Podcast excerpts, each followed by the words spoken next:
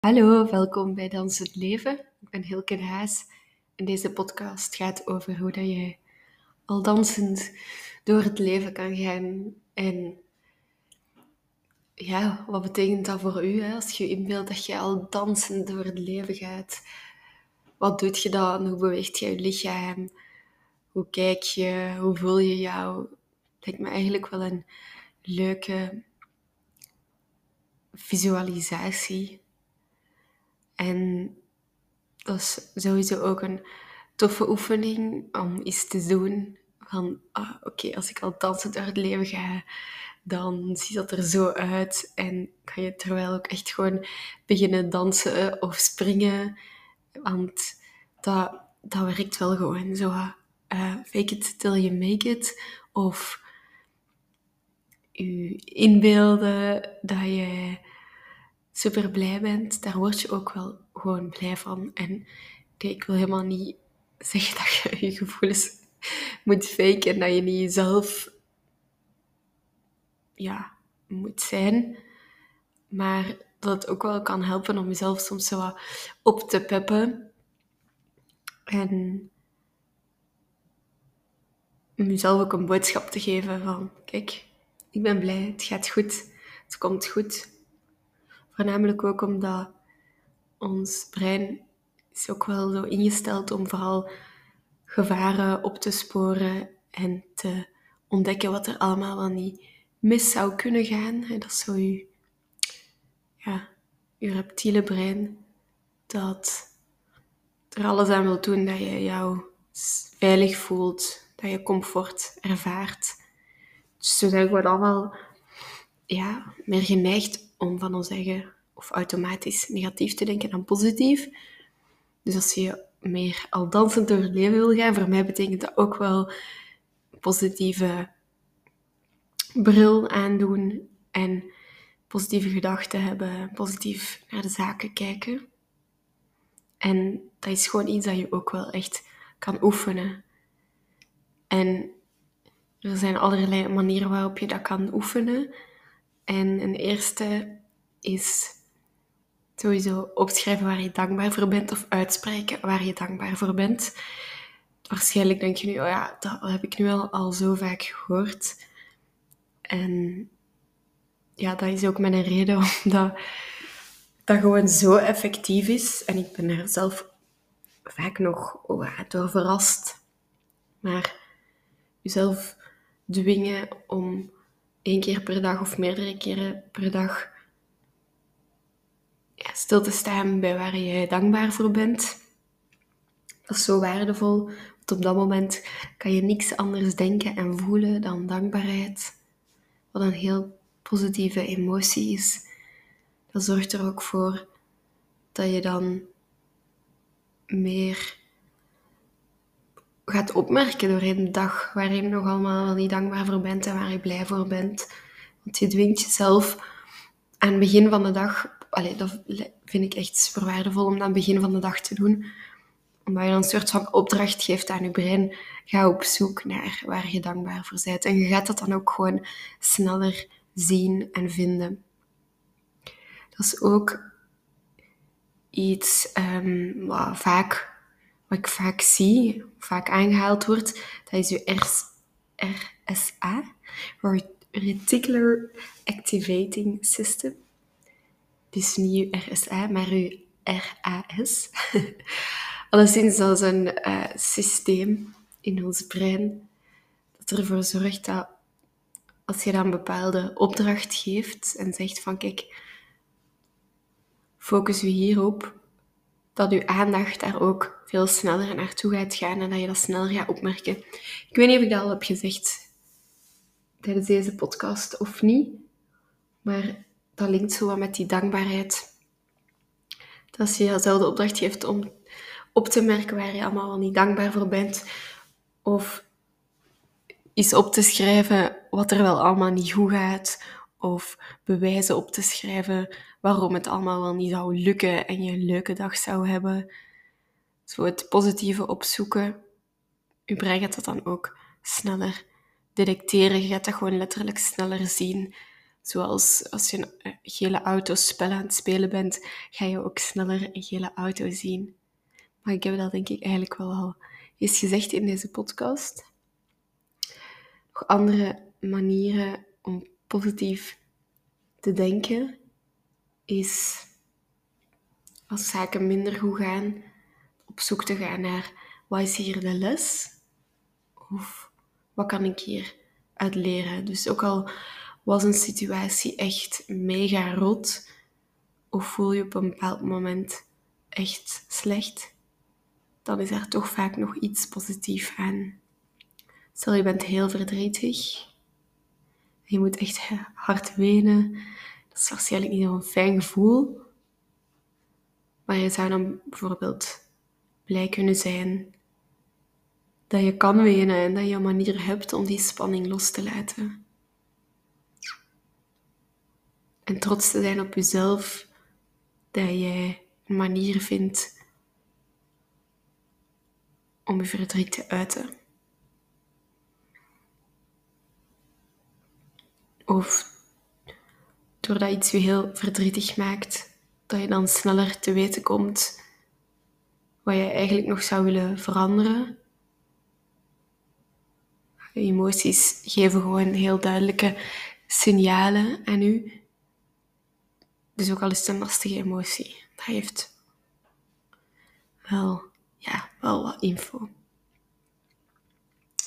En terwijl ik dat hier allemaal aan het vertellen ben, dan denk ik, dat zijn toch dingen die dat meeste mensen al weten, maar dat weet ik natuurlijk niet. Nu, als je daar ook nog meer over wil weten, dan zou ik echt aanraden om naar de geluksdriehoek te gaan, www.geluksdriehoek.be. Dat is een model van Vlaams Instituut Gezond Leven, zoals de bewegingsdriehoek en de voedingsdriehoek, maar dan voor je positieve mentale gezondheid, geestelijke gezondheid. En het is een heel bruikbaar en duidelijk model.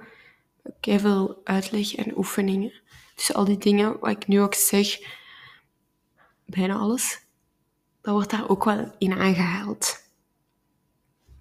Dus daarmee is dat gewoon zo'n fijn model, omdat dat echt wel vrij alomvattend is. Van stel je wilt echt aan je positieve geestelijke gezondheid werken, je wilt dat onderhouden, dan kan je jou baseren op dat model.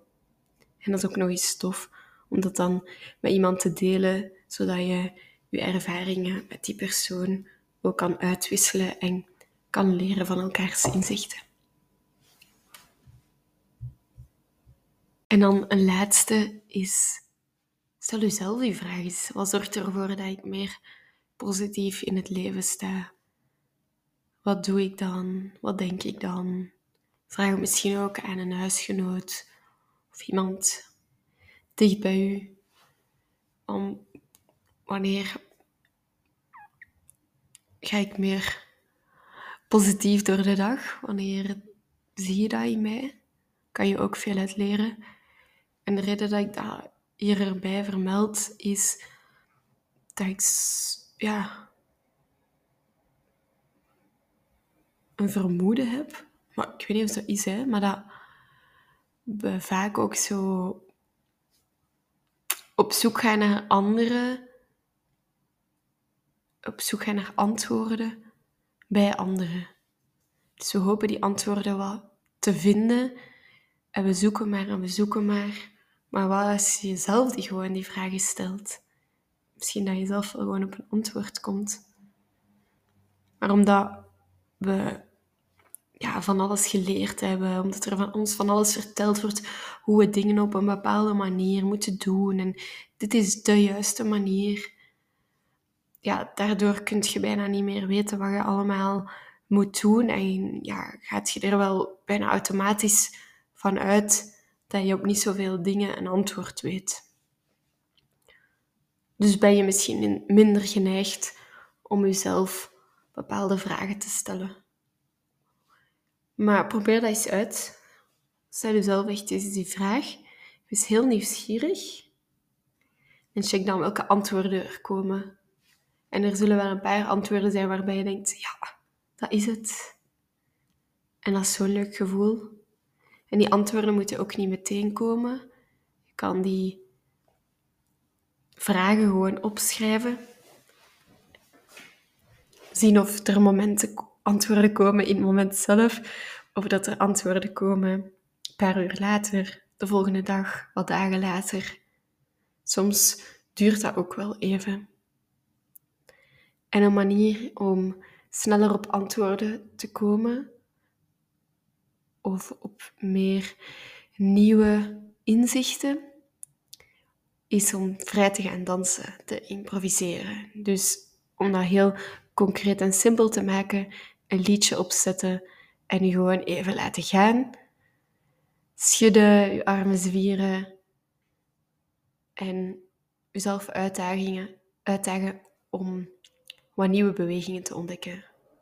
Kijk eens, wat kan ik allemaal doen met mijn elleboog? Wat kan ik allemaal doen met mijn handen, mijn hoofd? Met qua gekke bewegingen en zo dat out of the box dansen.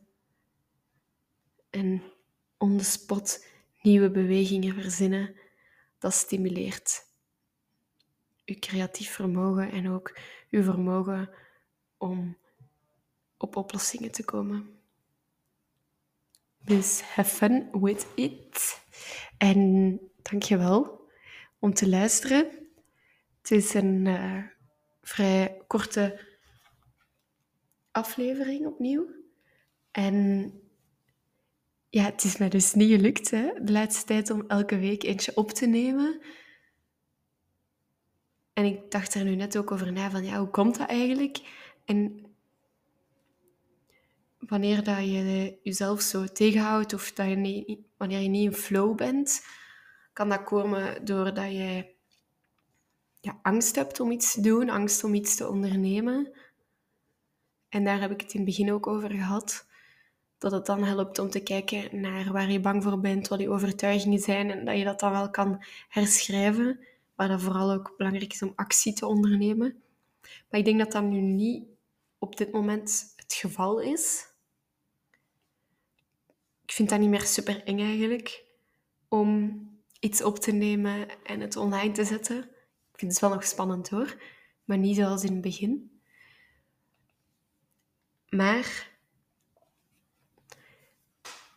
ik wist misschien even minder waarom dat ik het deed.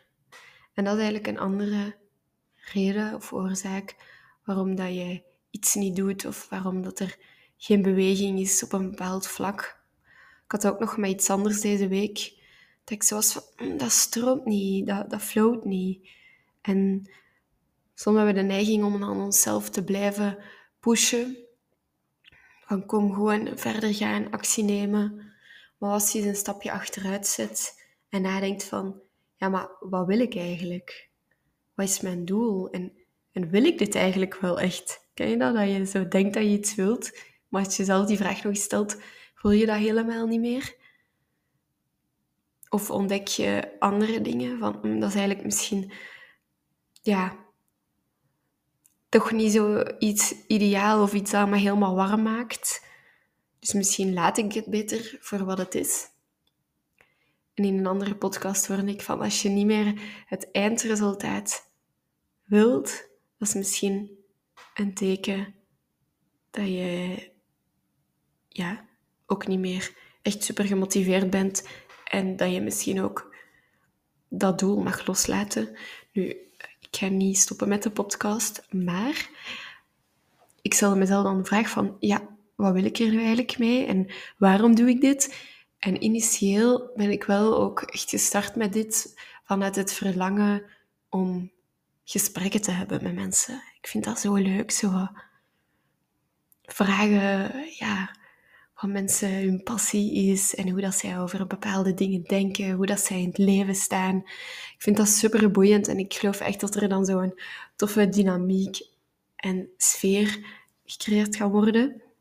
En dat jullie daar eigenlijk ook heel veel van kunnen leren, van hoe dat andere mensen wel allemaal niet al dansend door het leven gaan. Dus, dat brengt me dan bij de volgende actiestap. Dat is om ja, gasten uit te nodigen tot mijn podcast. En dan, als ik het vertel, voel ik al zo... Oh. Dus dat is zo echt een teken. Ik voel dat in mijn lichaam van zo spanning en dus ook wel angst. En daarbij kan het dan dus wel weer helpen om te gaan opschrijven waar ben ik bang voor of wat zijn mijn overtuigingen en kan ik die gaan herschrijven en wat zou de allereerste stap kunnen zijn richting dat doel. Dus zo heb je dan wel een onderscheid tussen doe je het niet omdat je wat bang bent en kan je daar dan naar gaan kijken en de drempel verlagen en toch effectief actie ondernemen? Of doe je het niet omdat je eigenlijk niet meer super ja, gemotiveerd bent of niet meer goed weet waarom dat je het doet? Bij sommige dingen heb je natuurlijk geen keuze, hè? maar bij deze podcast heb ik wel een keuze. En dat brengt mij dan weer in een andere richting en kan, zorgt ervoor dat ik een andere weg kan uitgaan. Dus ja, zien jullie dat zo voor jullie? En hoe kunt jij dat toepassen in uw leven op dit moment? Is er iets waarbij je voelt van, oh, ik wil dat doen, maar ik doe het niet, want ja, het is toch wel eng en na, na, na. Of ik doe het niet en ja, ik zit vast en... Maar misschien wil ik het niet meer zo op de manier waarmee ik er gestart ben. En kan ik misschien wel wat veranderen. Het is een totaal ander gevoel en dat vraagt ook een andere aanpak. Dat ja, is iets dat voor mij werkt. Dus misschien helpt het ook wel voor jou. Dus ja, merci om te luisteren. Ik denk dat ik daar juist ook al eh, de podcast had afgerond. Hè? Maar nu is het dus echt het einde. Heb nog een mooie dag. En je mocht me altijd een bericht sturen via Instagram met een bepaalde vraag of een reactie. En je mag ook zeker deze podcast vijf sterren geven als je er echt van geniet om er naar te luisteren. Bye!